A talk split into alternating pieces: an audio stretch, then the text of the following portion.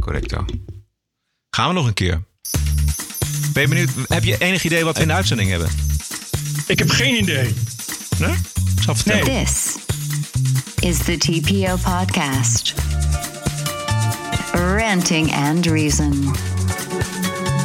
With Bert Brussen and Roderick Phalo. Zomerreces of niet, het kabinet wankelt. De VVD kan Van Haga niet wegsturen. Dit kabinet leunt op een meerderheid van één zetel. Apple gooit Alex Jones van iTunes. Meest correcte krant van Amerika neemt racist in dienst. Everything is implicitly organized around how men see the world. And, and not just men, how white men see the world. This is why so many things suck. En de zwarte aanhang van Trump groeit als kool. This is probably going to be the, and I'm going to say this at this table, the most pro-black president that we've had in our lifetime. Welkom bij aflevering nummer 79. This is the TPO podcast. Goedenavond Bert. Ja, goedenavond Roderick Bert en heeft, luisteraars. eh, ja, Bert heeft een eh, doe-het-zelf bouwpakket van een studioruimte eh, besteld en ontvangen. En de grote vraag is, is het, bouwpakket, is het bouwpakket al uitgepakt? Ja, hij, hij werd uitgepakt bezorgd Oh! door twee, eh twee potige heren. Ja.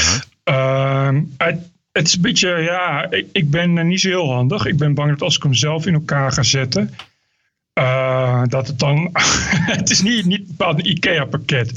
Dus eh, er kan wel een hoop misgaan. Dus ik, eh, heb, even, ik heb even gevraagd aan de bezorgwinkel waar ik hem besteld heb, of iemand hem in elkaar komen zetten. En dat doen ze ook. Maar dat gaat hier per mail en dat gaat in Spanje per mail. Duurt altijd een paar dagen voordat je iets terug. Maar zitten, zitten er, ik ben zelf ook niet zo handig, maar zitten er spijkers bij? Of is het gewoon een bouwpakket wat je in elkaar schuift, zoals Nee, bij IKEA?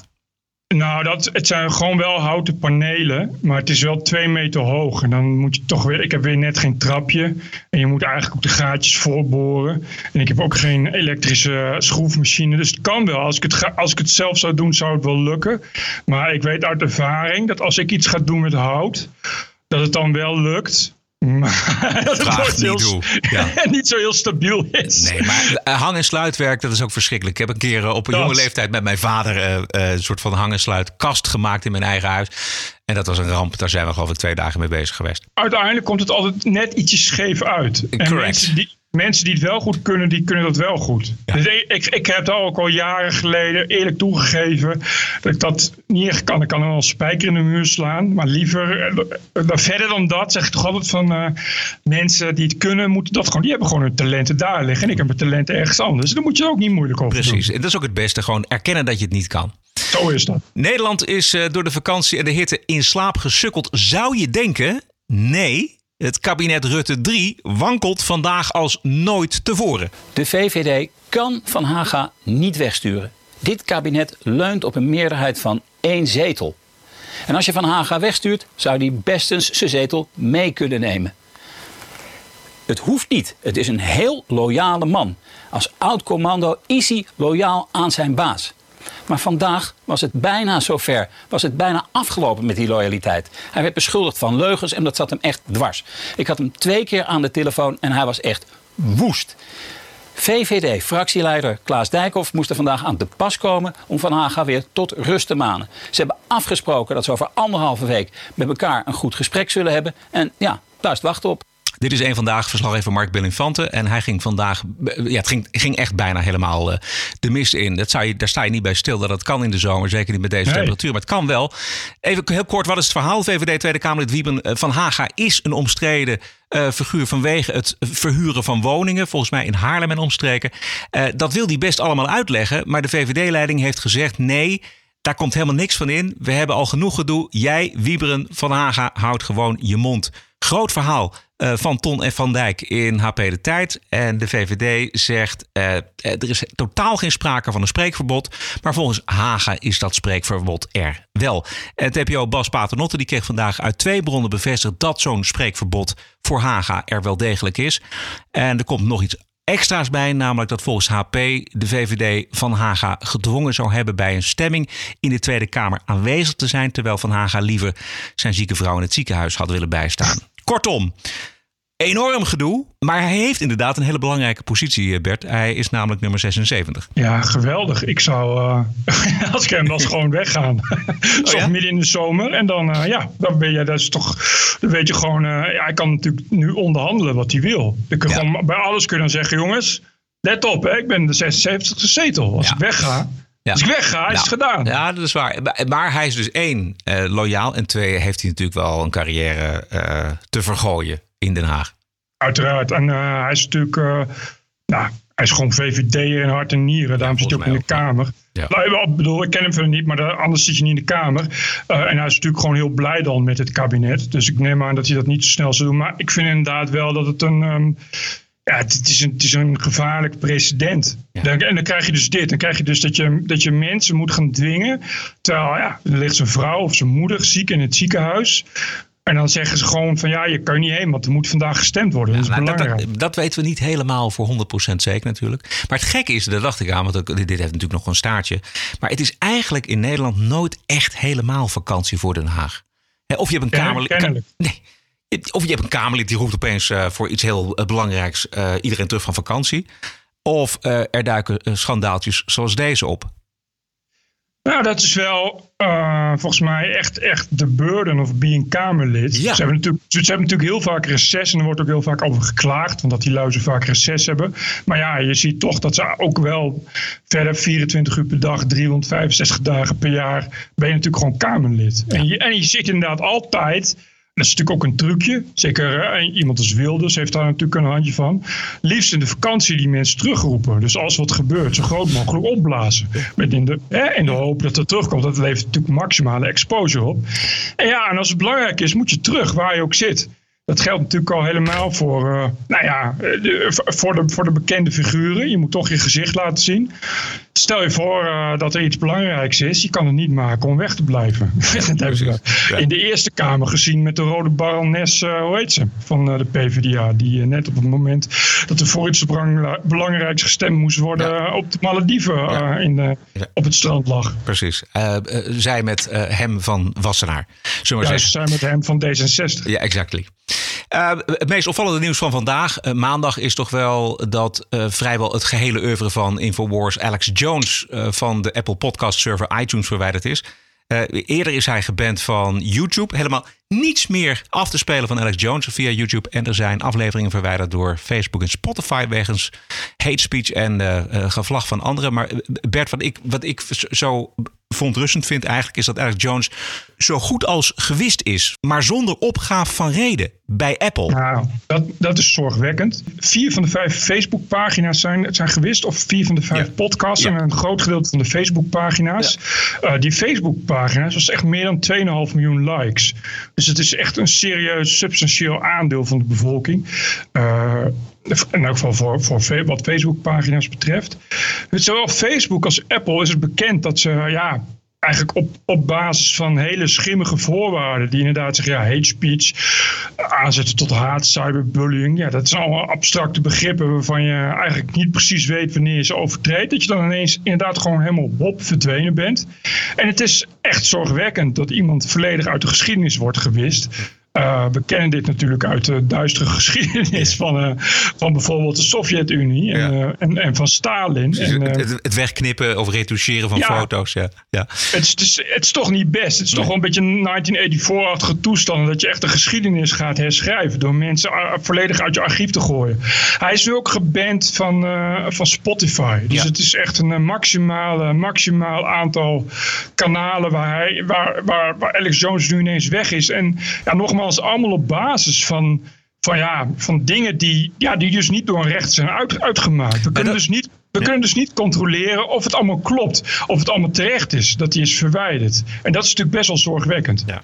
Even voor iedereen die, die het niet kent. Infowars is, is opgericht in 1999. Alex Jones is een, een man die, ja, laat maar zeggen, gelooft in samenzweringen ook. Hij gelooft eh, dat de aanslagen van 11 september het werk zijn van de Amerikaanse regering. Eh, de Sandy Hook School schietpartij waar 26 mensen omkwamen zou fake nieuws zijn van links tegen de wapenlobby, dat soort zaken. All right, everyone. I've never really been a fan of Alex Jones. Like, I like Paul Joseph Watson stuff's pretty good, but I've never really, you know, been much into Infowars. Now, though, I'm reconsidering that, uh, the logic of that, because I'm looking and seeing Alex Jones just getting basically uh, everything he's ever done banned off Facebook. Again, with no apparent provocation. This follows in the wake of them getting partially kicked off YouTube and getting like a temporary suspension and stuff. They can't live stream, have to have a second channel. Uh, Spotify has banned all of their podcasts, and now uh, InfoWars is also off of Apple's uh, products which basically means that for Normie America, InfoWars doesn't exist. Now, the logic and reason behind this decision, which is obviously these corporations got together to do this because of pitchfork waving mobs, based on, well, he's, he's like a vast conspiracy theorist, he's hateful. No, he's not. Can, can you show me anything on these shows that you've banned that's act, that actually rise? Is it criminal? It's not illegal, what he's saying. As far as I know, he doesn't sit there using slurs. In fact, for the most part, he, he keeps the swearing to a PG 13 level. I'm, I'm looking at these. There's like Sarah Jiang can be can be there and literally like ramble about uh, racial racial things all day. She's never going to get kicked off any platform. Everyone can talk to her. No one, no boycotting of advertisers. Alex Jones like says, "Oh, reptiles from space are going to get your mind or something," and everyone flips out. Alex Jones has been there since day one. It's like back in the Zeitgeist era, people are watching Infowars, dude. If you're so worried about, well, fake news and stuff. It's always been there. It's never been a problem before. Why is it why is it that anyone is taking the claim seriously that these for-profit corporations, which are either monopolistic or form a trust basically because they can decide who is or is not evidently even on the internet at this point because there are only a half dozen of them that control everything. How can you say in that that's a free market of ideas and that these corporations should be number 1 trusted and number 2 tasked with deciding who should and should not be heard? Helemaal mee eens. Hij heet uh, Stix Hexenhammer. Zeg dat van gehoord. Nee. Nee. nee. Maar hij, hij verwoordde En- het volgens mij goed. Ja, mijn, eh, ik, ik ken eh, Alex Jones eigenlijk volg ik het wel helemaal niet. Ik ken hem inderdaad alleen als mediapersoonlijkheid, zou ik maar zeggen. En ik weet dat het een complotdenker is. Maar ik heb ook volgens mij inderdaad nog nooit gehoord dat het dan echt weet je, ja, zo, zo haatzaaiend is. Eh, het is volgens mij ja, een, een beetje, beetje koddig dom qua conspiratietheorieën. Inderdaad, de, de lizard people komen je overnemen en alles is altijd een complot van de overheid. En hij is natuurlijk wel eh, echt onder vuur komen te liggen sinds die Sandy Hook shootings. Ja. Dat is natuurlijk, het is nogal wat als je eh, als, als nabestaande van een doodgeschoten kind dag in dag uit zo'n idioot moet aanhoren die beweert dat jij eh, onderdeel bent van het complot en dat jouw kind helemaal niet dood is. En daar, is- daar begint nu ook een rechtszaak over. En de rechtszaak over en weer. Hij begint dan weer een rechtszaak terug en dan eist hij geld omdat hij voor die rechtszaken waarvoor hij zich wil verdedigen moet betalen. En daar is toch een hoop commotie over ontstaan. Maar ik vind het een beetje, een beetje merkwaardig dat het inderdaad op hate speech wordt gegooid. Want het is Nou, eigenlijk... voorlopig is een, heeft Apple nog niks gezegd. Hè? Misschien dat ze morgen of overmorgen Jawel. komen. Jawel? En zeker. Die, hebben, die hebben zelfs letterlijk gezegd dat dergelijke haatzaaie dingen niet welkom zijn bij Apple. En dat is, maar dat is dus niks. Dan zeg je dus van ja, maar, dan wil je dus weten, wat is dat dan? Weet je, welke haatzaaiende dingen? En, en kun je precies aantonen wat hij heeft gezegd en waar, waar ligt het dan? Ik- dat- dat- En dat doet, ja, je, wil, je denkt dan meteen aan rechtszaakdingen. Want ja, het is toch wel best wel ernstig als je bedrijf eigenlijk naar de kloten gaat. Eh, puur en alleen omdat dat eh, het medium waarop jij je dingen verspreidt ineens zegt: ja, jij bent haatzaaiend, maar ik ga het niet aantonen. Dat doet heel erg denken aan eh, de regering Bush en een nieuwe antiterrorismewet destijds, na 9-11. Dat ineens werden de mensen opgepakt en die mensen die kregen dan niet te horen waarvoor ze waren opgepakt. En die kregen ook geen ad- advocaat. Die konden gewoon oppakken en voor nou, maximaal best wel een lange tijd kon die vasthouden. Nou, op basis van verdenking van terrorisme. Dacht ik van ja, stel je voor, je zit daar dan in een cel. En dan komt elke dag komt iemand je vragen van eh, vertel even op, wat is de waarheid? Je hebt geen idee waar het over gaat. En dan elke dag zeg je, waarom ben ik opgepakt? Weet je, op verdenking van wat? Over welke waarheid heb je het? En dan zeggen ze niks. Nou, dan zit je daar 90 dagen en dan elke dag komt er een man. Die zegt van ja, vertel maar op, wat is de waarheid? Het is een beetje Kafkaeske, Kafkaeske mind terror wordt dat natuurlijk. En ik vind dit een beetje hetzelfde. Je hebt dan een bloeiend bedrijf. Je hebt elke dag miljoenen mensen die naar je show luisteren. En obviously die Alex Jones en een gedeelte van zijn luisteraars gelooft er allemaal wel in. Ja, who cares? Als ze daarin geloven moeten ze dat zeker doen. En ineens is het allemaal weg. Kun je ook niks meer terugvinden. Hop, weg. Je, niks, je kan niks regelen. Je kan niet tegen je luisteraars zeggen, ga hierheen. Hop, weg. Je hele infrastructuur. En dan zeg je, waarom dan? Dan zegt ze, ja, sorry. Het is ah, wel opvallend dat daar ineens al die bedrijven, die techreuzen bij elkaar ineens besluiten om jou helemaal weg te vagen. Dat geeft toch wel te denken. Ja, nou ja, dat, dat komt volgens mij ook weer, dat zegt hij ook, van dat er een soort van social justice gevoel is. En dreiging is natuurlijk vooral van als de een het wel doet en de ander niet, dan gaan ze naar die, naar die ander die het niet doet en zeggen van hé, hey, wacht eens even. Uh, Facebook sluit de tent uh, voor Alex Jones. Wat, wat doe jij nou? Dus er is een, ook een soort van dynamiek ontstaan dat als de ene het doet, dat de ander het ook niet kan nalaten. Het probleem is dat het altijd in één bepaalde hoek zit. Ja. Aan die, in die andere hoek uh, ja, gebeurt het niet. Bedoel, we, hebben, we gaan het zo nog hebben over Sarah Yeong. Ja. Sarah, Sarah Young. Die dus zelfs nu bij de, bij de prestigieuze New York Times beslist geen nepnieuwskrant en beslist geen vijand van het volk uh, bij, in, aan de tafel van de hoofdredactie mag gaan zitten. Hè, en daar is niemand die, er is wel heel veel mensen over klagen, maar dat doet, Twitter doet daar niets aan, New York Times doet het af als allemaal niet bijzonder.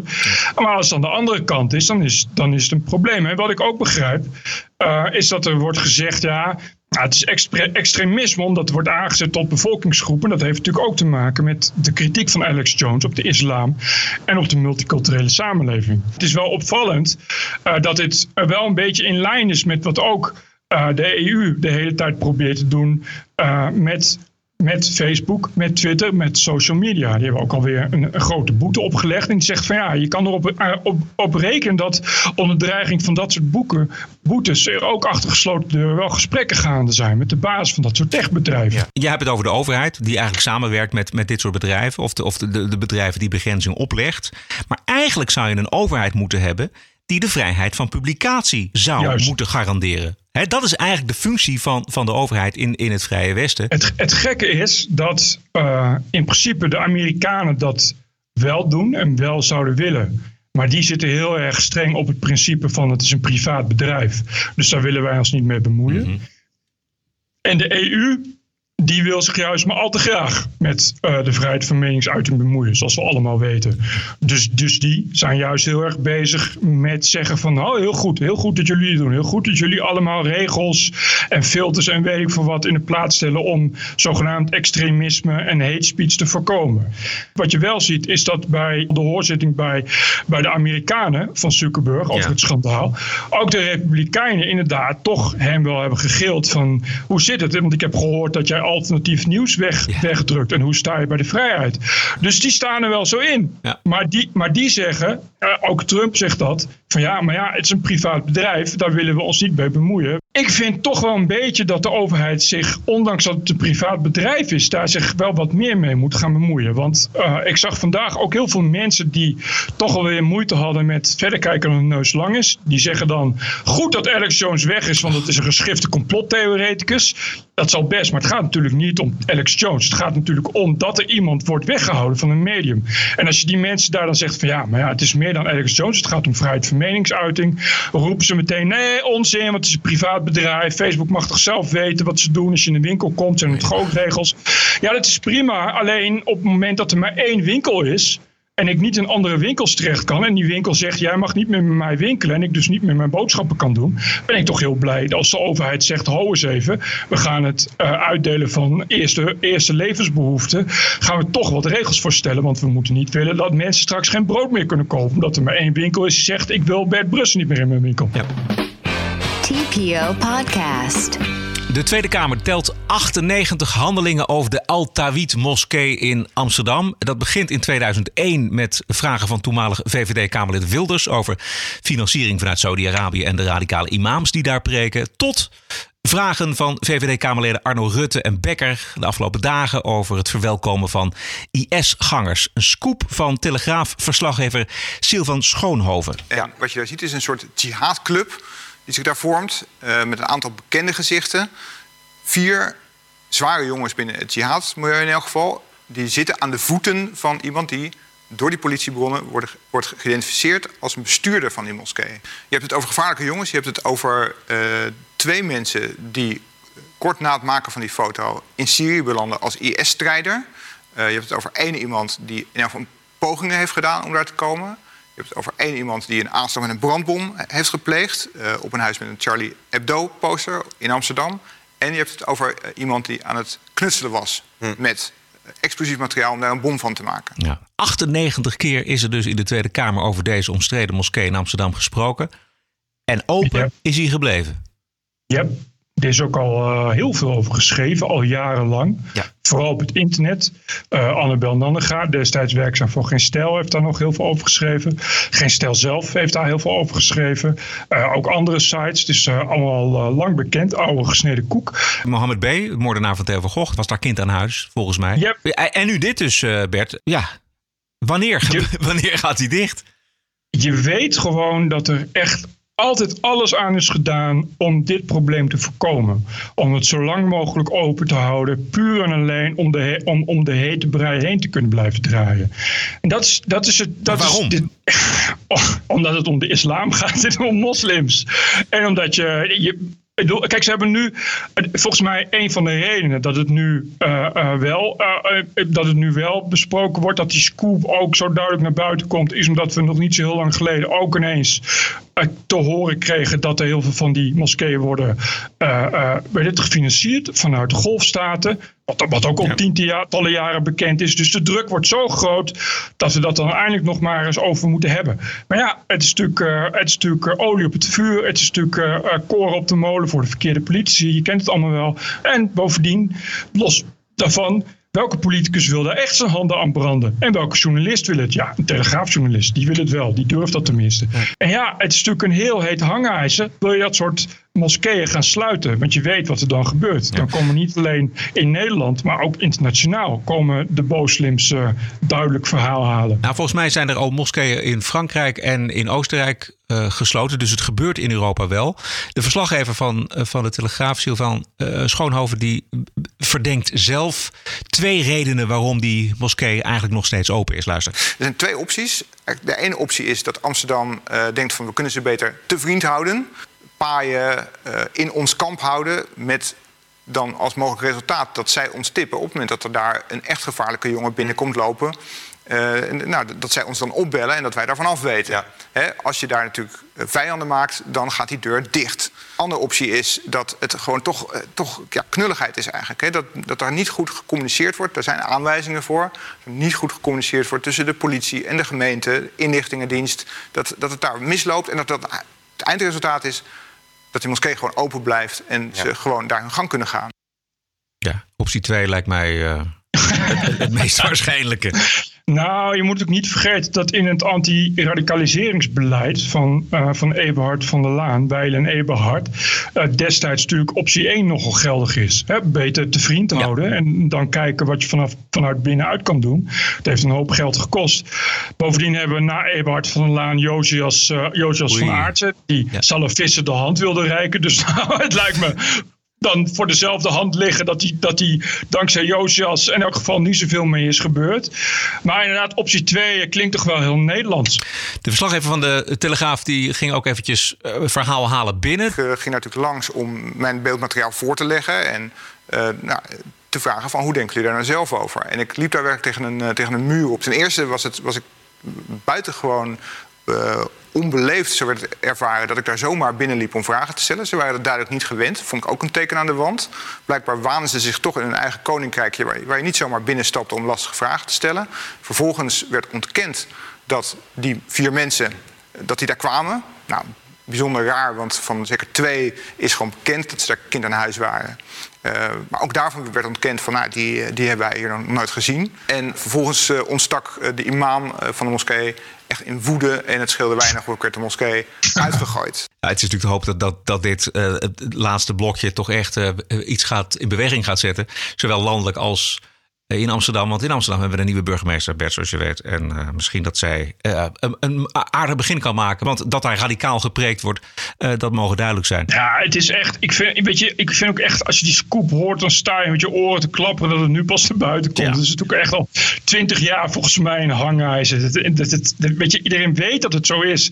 En er wordt ook al zo lang over gesoebeld en zo lang over gepraat. Maar het is alleen maar polderen en voor je uitschuiven. En dit is natuurlijk nog maar het topje van de ijsberg. Want we weten dat er veel meer zijn in heel Nederland. Maar jongen, het is zo'n groot probleem. Het is zo'n groot heet hangijzer. Gedeelte van die moskeeën worden ook, zijn Turkse moskeeën, worden gefinancierd door Dianet. We willen niet nog meer ruzie met Erdogan. Daar hebben we al ruzie genoeg mee. Is al problematisch genoeg. Dus ja, ik ben benieuwd. Maar wat je zegt, het is in andere landen zitten ze daar al iets beter op. Oostenrijk stuk hebben we een behoorlijke centrum conservatief rechtse regering met een uh, piepjonge premier die daar bovenop zit. Frankrijk uh, hebben overigens nog volgens mij nog steeds een noodtoestand. Dus die zijn er ook wat strenger op. En Macron heeft toch wel duidelijk aangegeven dat hij toch wel be bereid is om in elk geval de radicale islam aan te gaan pakken. Want het is toch een beetje uh, 2 voor 12 ontdekken nu toch wel de meeste Fransen. Dus het kan niet anders of Nederland gaat daar niet bij achterblijven. Maar het gaat waarschijnlijk heel langzaam en heel veel moeite kosten. This is the TPO podcast. Groot verhaal is uh, de vrouw die door de New York Times is aangenomen en uh, Sarah Young heet. Een Amerikaanse van Aziatische komaf, lesbisch, met een uh, grenzeloze haat tegen witte mannen. En er zijn vroegere tweets van haar naar boven gekomen waar zij tekeer gaat tegen witte mannen. Nou, volgens haarzelf en de New York Times zijn die tweets allemaal uit zijn context gehaald. maar er is beeld en geluid waarin zij hetzelfde zegt. Everything is implicitly organized around um, how men see the world, and and not just men, how white men see the world, um, and this is this is a problem. This is why so many things suck. Het, het, onderwerp is ook bij de No Agenda podcast uitgebreid aan de orde geweest. Die zitten er natuurlijk met hun neus bovenop in Amerika. En wel een goede opmerking vond ik van John C. Dat er wordt gezegd, ja, die tweets die worden uit hun context gehaald. Maar vervolgens wordt er helemaal niks over de context gezegd. He, dus er, er, wordt niet door haar of door de New York Times gezegd: ja, wacht even, dit was de context waarbinnen die tweets golden. Nou ja, als je dan tweets uit een context zijn gehaald, dan is het toch aan jou de taak om dan die context uh, te ja, aan te bieden. Het probleem is natuurlijk dat ze de hele tijd het woord wit gebruikt. Ze zegt de hele tijd witte mannen, witte mannen dit, witte mannen moeten dood. Het zou goed zijn als witte mannen uit de samenleving worden verwijderd. Echt, echt pure haat. Nou, uh, deed de bekende uh, Candace Owen deed een aantal van exact dezelfde tweets en heeft ze het woordje witte mannen vervangen door joden. En je raadt het nooit, die werd meteen geband van Twitter. Wat toch wel echt ten eerste de stuitende hypocrisie van het beleid van Twitter aantoont. Die overigens daarna snel weer dat hebben hersteld. Maar dat is natuurlijk al te laat, want het is al aangetoond dat het dus inderdaad een hypocriet beleid is. En de tweede toont het dus al aan hoe verschrikkelijk filijn die tweets zijn. En het is eigenlijk, vind ik, ik vind het echt echt, echt stuitend dat de New York Times zich daar niet tegen verdedigt. En, en met een halfzachte verklaring komt. Want wat ze nu doen is toch echt, ja, ik vind het echt je reinste discriminatie. Het probleem is dat de New York Times nu uh, tussen twee vuren zit. Want ze kunnen haar niet weer wegsturen. Want dan worden ze namelijk uh, beschuldigd van uh, racisme richting de Aziatische kant op. En ze moeten haar aannemen nu.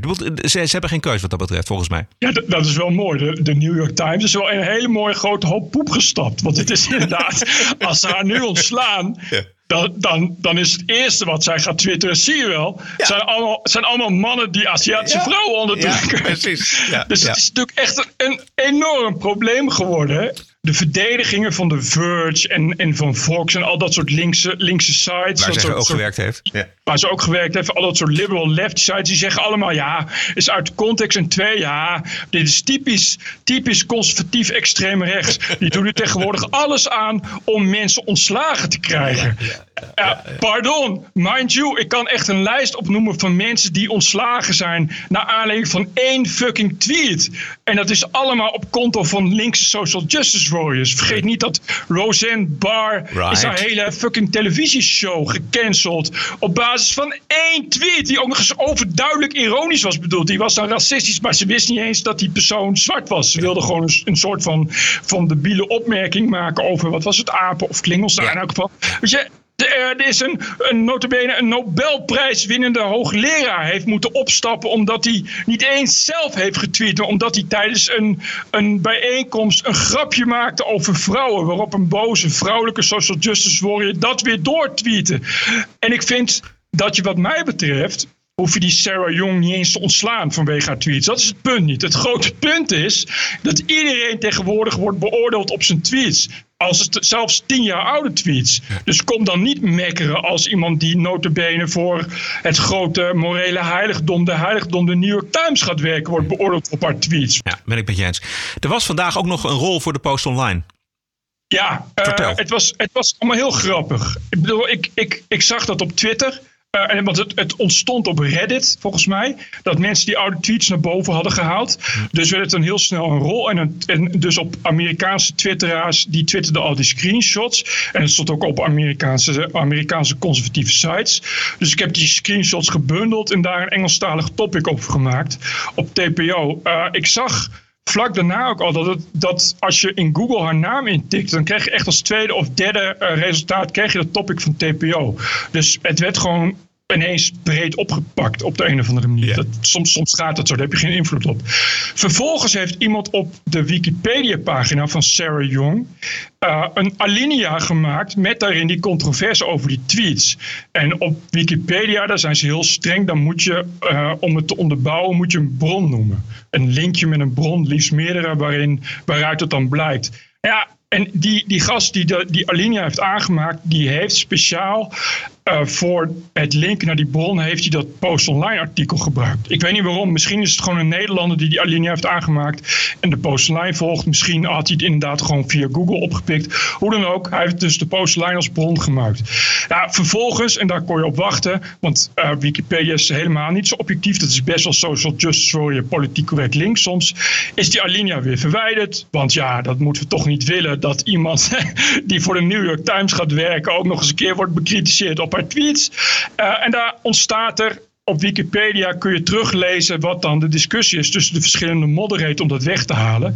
Nou ja, een van die mensen die zei van ja, maar je gebruikt als voorbeeld de Post Online en de Post Online, ik citeer, is een extreemrechtse website, dus onbetrouwbaar. Nee, niet extreem volgens mij, maar gewoon een rechtsgeoriënteerde website. De rechts, dus onbetrouwbaar. Zij gaat overigens uh, niet schrijven voor de New York Times. Ze gaat, uh, wordt een soort van coördinator, dus we gaan geen stukken van haar lezen. Ze gaat wel de onderwerpen deels aandragen, dus dat zullen we misschien nog wel gaan merken. In de New York Times. We blijven even in Amerika, want het vertrouwen in Trump groeit onder de zwarte bevolking in Amerika. Mede dankzij mensen als Kanye West en Candace Owens en uh, Dame Silk natuurlijk, die wij ook regelmatig draaien hier in deze gezellige podcast. Het zijn de mensen die de mooie woorden van de Democraten voor gezien houden en hoop koesteren dat Trump wel iets voor ze kan gaan betekenen. Ik heb een paar voorbeelden, Bert. Uh, Chicago, dit jaar al 1600 moorden. 75% van de slachtoffers is zwart. 72% uh, van de daders is zwart. De democraat Rahm Emanuel is daar al zeven jaar burgemeester en doet daar helemaal niks aan. Vinden de zwarte betogers afgelopen week. Hij heeft uh, Chicago wel uitgeroepen tot Trump Free Zone voor de opvang, voor de opvang van illegale. I said exactly that. He cares more about non-citizens, African Americans with citizens, and our ancestors built this country. He got some good things, but I think he don't step up and come to the people where the crime is. You know what I'm saying? The crime is on the south side and the west side. We have to make sure that President Trump recognized that not everyone believes that um, Chicago is a, a Trump-free zone. If he's serious about helping the people in Chicago, especially on the west side of Chicago, I accept his help.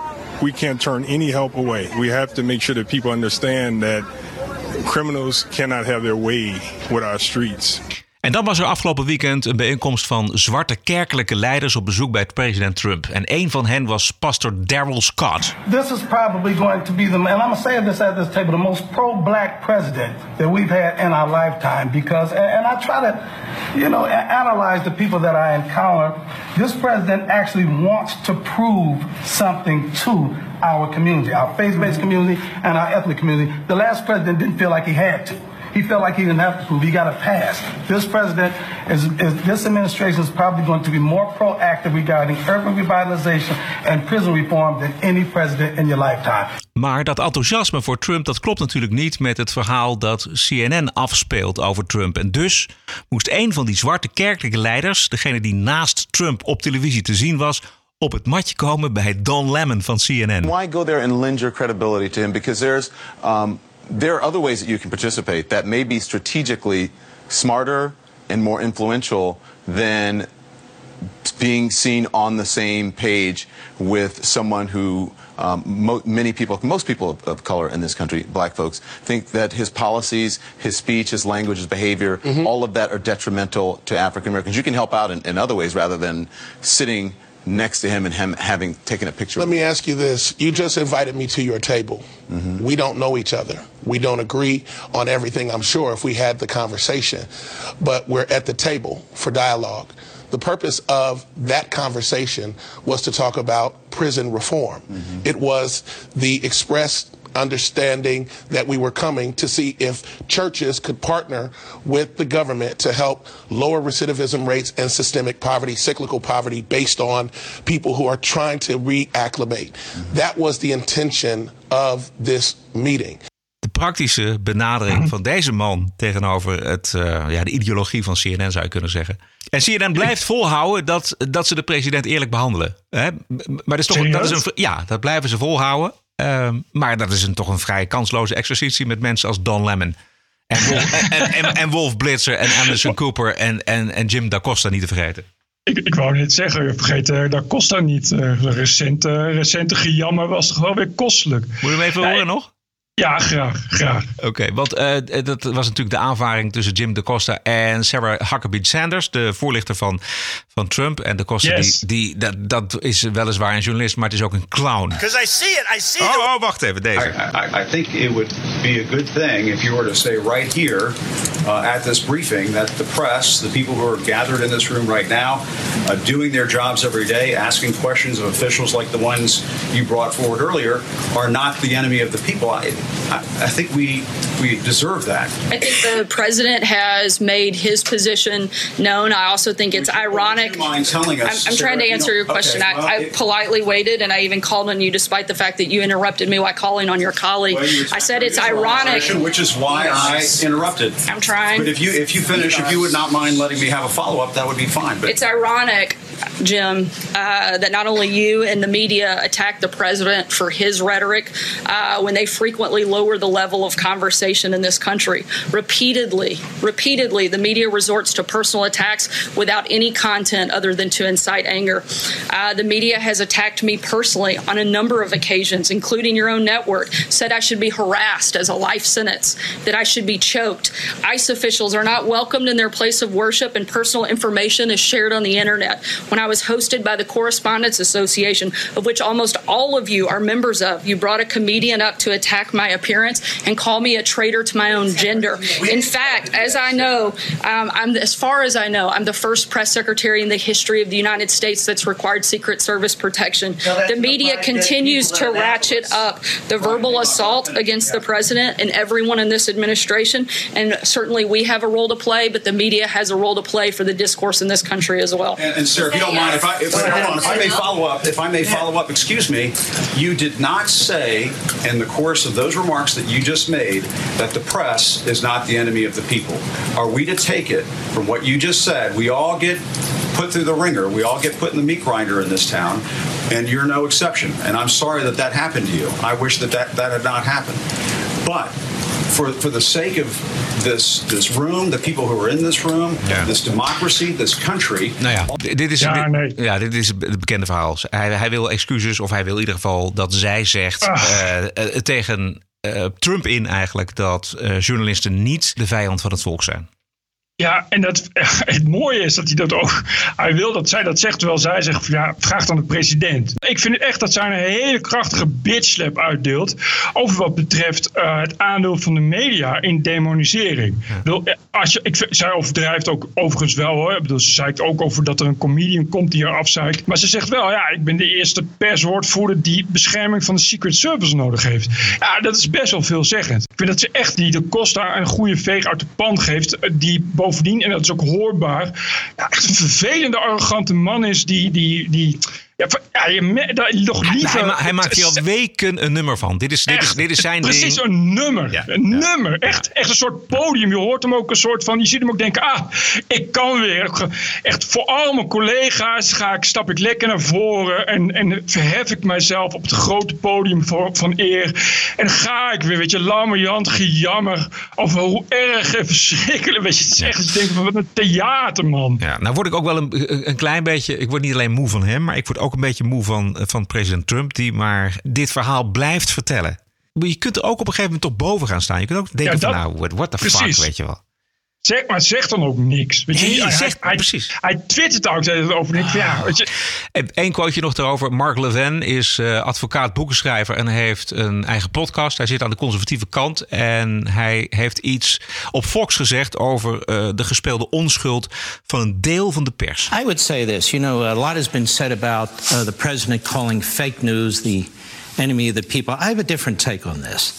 Why do the press hate the American people? Over 65 million people, give or take, voted for Donald Trump for president of the United States. I wrote this down. Various press outlets, reporters, hosts, or their guests have called millions and millions of Americans Nazis, racists, deranged, cultists, deplorables, and even worse. How do the press in this country justify calling tens of millions of people such outrageous names? And we conservatives have watched as the press have destroyed, as they're seeking to destroy Trump, Palin, Bork, Clarence Thomas, Ronald Reagan, the list goes on and on and on. The DC press corps today is the least professional press corps in my lifetime. They think that their job is to make it impossible for the president to function, to sabotage him, and to advance the cause of the ide- ideologues, to advance the cause of a rogue prosecutor by the name of Mueller. And so the press really needs to, to be circumspect, take a look at itself. It won't. As long as they keep putting clowns like Jim Acosta out there, who is a drama queen of sorts, and uh, who like to report on themselves and talk about themselves, as long as it's impossible to tell a late night comedian uh, from Jake Tapper and Jake Tapper from the porn star and all the rest of it, this is going to be the reaction of the American people. Ja. Hij heeft volkomen gelijk. Ja. Dat, is, dat is dus wat ik de hele tijd zeg. Ik bedoel, ik, weet je, je kunt je afvragen waar de verantwoordelijkheid ligt van de president om, om de pers te demoniseren. Daar zit echt gewoon een grens aan. Maar hij heeft best wel een punt als hij zegt enemy of the people. Je hebt het gewoon over, over die president is gewoon democratisch dat Witte Huis ingestemd. En als je als pers ook echt inderdaad dat voorbeeld van de Costa is natuurlijk, natuurlijk schrijnend. Weet je, als je zo duidelijk laat zien dat je echt een president haat. En echt een specifieke, eh, eenzijdige eh, agenda hebt. Weet je, wat, wat denk je dan dat het volk denkt? Weet je, wat moet je dan als burger? Moet je, dan moet je, ik zou echt. Ja, dus dan stem je Trump. En eh, wat moet je dan? Een abonnement nemen op de Washington Post en de New York Times? TPO Podcast. Bert, ik heb nog één onderwerp. Heb jij nog iets over de- onze donateurs? Oh ja, goed. Eh, dat, is, dat, dat is heel fijn. Start ik even muziekje in, hè? Want eh, die, eh, onze Patreon-account. Ja. Onze donateurs heten dus patrons. We gaan alleen nog maar mensen noemen die doneren via ons Patreon-account. En Maar, dan zijn er, maar waarom, waarom niet die andere? Omdat dat eh, te lastig is. Bij deze zie je hoeveel ze hebben gedoneerd en wat ze per maand over. En het gaat echt om maandelijkse donateurs. Dus het zijn mensen die zo trouw zijn dat ze maandelijks betalen. Dus dan verdienen ze het om te worden genoemd. Maar als er nou één iemand eh, 500 euro doneert, eenmalig. Ah, dan, die wil ik ook wel noemen. Die wil ik ook wel noemen. Maar als je graag genoemd wil worden, doe het via Het is gewoon een handig systeem. Het is gewoon allemaal alles handig. Eh, eh, eh, ja, nou ja, dit zijn toch wel de voorlopers op dit gebied. De pioniers die samen met ons dit allemaal mogelijk maken. En dat zijn de, de volgende namen. Alwin Buskens. Andreas Winters.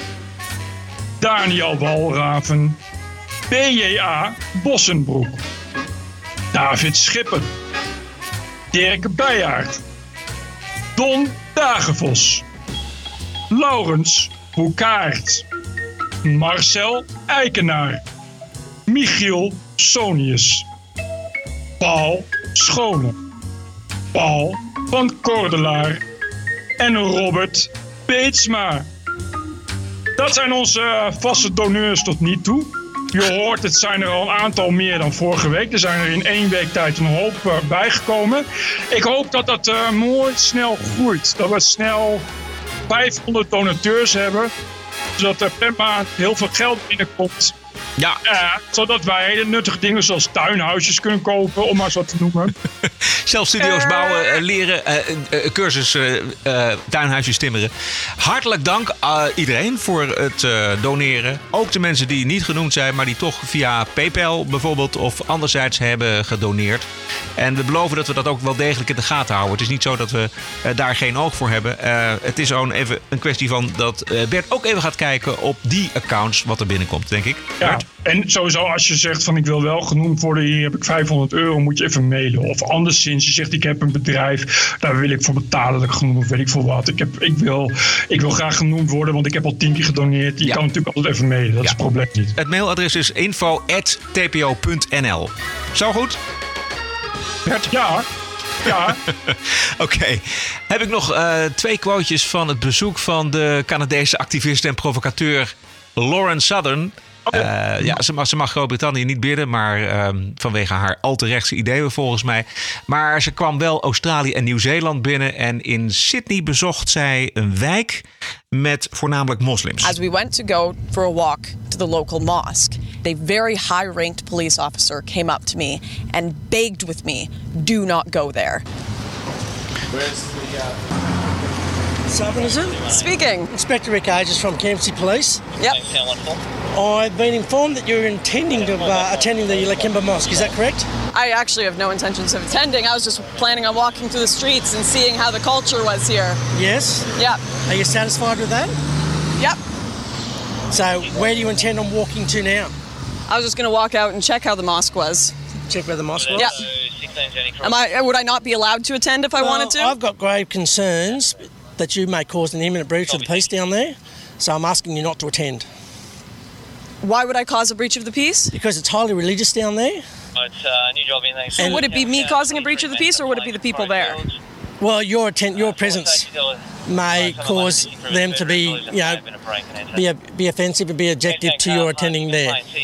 And so that would be them being offended by me. Can you turn, not interview me? Black Lexus has been. The local community walk around here without any fear. I walk around here without any Right, but fear. I'm a critic of Islam. Yes. So I can't be in this multicultural because my culture is allowed to have free speech and okay, criticizes I understand Islam. you have your you have your own beliefs and, and you're allowed to have your own beliefs. I have no issue with that.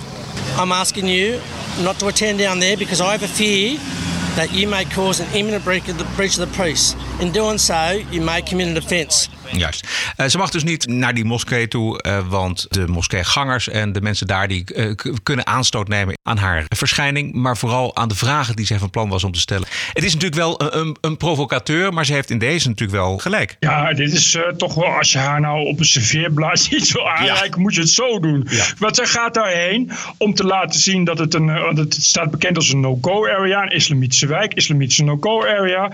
En wat gebeurt er? Ja, de politie geeft toe dat het een no-go area is. Want ja, want, eh, als jij daar naartoe gaat, dan eh, eh, is het een breach of the peace. Tja, dat is toch duidelijk dat het een no-go area is. De politie zegt het zelf. Wat, wat wil je dan nog meer? Nou ja, Het is het, het is niet totale het- domheid. Ja, maar, maar het is niet echt. Het is voor haar vooral een no-go area. Want Ja, ja. de media werden dus op, op de hoogte gesteld van haar aanwezigheid in die wijk überhaupt. En vervolgens wil ze dus naar die moskee toe en wordt ze tegengehouden door deze agent. Maar het, het, het, het kromme zit er natuurlijk in dat zij daar niet naartoe mag, omdat dan de moskeegangers aanstoot zouden kunnen nemen aan haar. Kijk, die politie had natuurlijk gewoon moeten zeggen van ja, maak even een afspraak, dan lopen we mee. Of we houden het in de gaten. Of weet je het zeker, we kunnen niks garanderen. Het is natuurlijk, het is natuurlijk gewoon openbare weg. Dan moet je dat als politie ook garanderen. Ze ging dus eh, van Australië naar Nieuw-Zeeland. En daar werd ze samen met een geestverwant geïnterviewd. En over dat interview, er was zoveel commotie... dat de interviewer dat interview weer moest bespreken met een panel op televisie. En luister even naar de toon van dat panel. Correspondent Penny Gale. De interviewer wordt binnengehaald als een held. So, Patty, you just talked to these two. What are they like? Well, it's sort of like being thrown down in front of a machine gun of sort of nitpickery, where you could sort of say to them, "Hey, look, um, the sky is blue," and they would sort of come back to you and say, "No, it's not." You know, yeah, yeah, yeah. And, um, Not firm friends with the facts, is my is my impression. yeah, but they're very good. Well rehearsed. They're very well rehearsed at not being firm. Uh, friends with the firm facts or whatever it is. you know, they're very good at that. They're professionals, and actually, in some respects, in terms of having an intellectual argument with them, they totally nailed me. I just could not compete with them. You know? Yeah, you know, they're pretty reasonable when you're on the lift on the way down, and then and then um, she was all go, and uh, it was actually quite frightening. Um, uh, being against them, but at the same time, I kind of looked at them, and you know, it was, it was just like, what, what, it was a surreal experience for me because I was just like, man, I just want this thing to be over because I just don't even know what you're saying. You know, It's just like, what are you, what, what are you on about here? Wauw. die gast zegt ook dat hij eh, het toch wel heel vervelend vond dat ze rationeel waren. En dingen zeiden waar hij eh, niks op terug te zeggen had. Ja, dat kan- is altijd pijnlijk. Soms waarheid ineens in je gezicht. Ja, Maar dit is echt... Jezus, dit is echt... huh. Maar Wat de- een zelfgenoegzame... Ja, enorm zelfgenoegzaam. arrogante... brug. Ja, de eerste vraag was ook van eh, hoe waren ze? Alsof ze twee aliens van, van outer space zijn. Eh, eigenlijk geen gesprek kunnen voeren, geen goed interview doen, maar toch wel eh, gezellig met z'n allen eh, onder elkaar lachen om die twee. Och, het is, eh, ja, het is overal hetzelfde, lijkt het wel, met journalisten. Het is overal een beetje hetzelfde probleem telkens. Het zijn altijd journalisten die het dan met elkaar eens zijn. Ja, maar ja, Goh, dat is ja. interessant. Ja. Oh, dat geeft diepe inzicht hoor. Man, man, man. Poeh. Ja, maar ja, dat gaat al heel lang zo, dat weten we toch. Wij zijn het ook te vaak eh, eens met elkaar, Bert. Ja, daar moet, daar moet ook verandering in komen. Dit was het wel zo'n beetje. Oh, prima. Ja. Dit is Eh, toch een mooi vol zo. Ja, vind ik ook. Eh, vrijdag tot vrijdag heeft u de tijd op deze podcast in de prijzen te stemmen voor de Podcast Awards 2018. Eh, want daar moeten wij natuurlijk tussen zitten. En u kunt daarvoor zorgen door op ons te stemmen. Wat u moet doen is, u gaat naar onlineradioawards.nl. Dan kiest u boven in podcast. Eh, dan scrolt u naar beneden naar de letter T. En dan klikt u meteen op stem direct. En dan stemt u op de TPO podcast. Wij zijn terug dinsdag 14 augustus. Alle steun is welkom. Ga naar tpo.nl slash podcast. En daar ziet u de mogelijkheden om ons te ondersteunen. En mailen kan naar info.tpo.nl. Tot dinsdag. TPO Podcast. Bert Bruson, Roderick Balo, Ranting and Reason.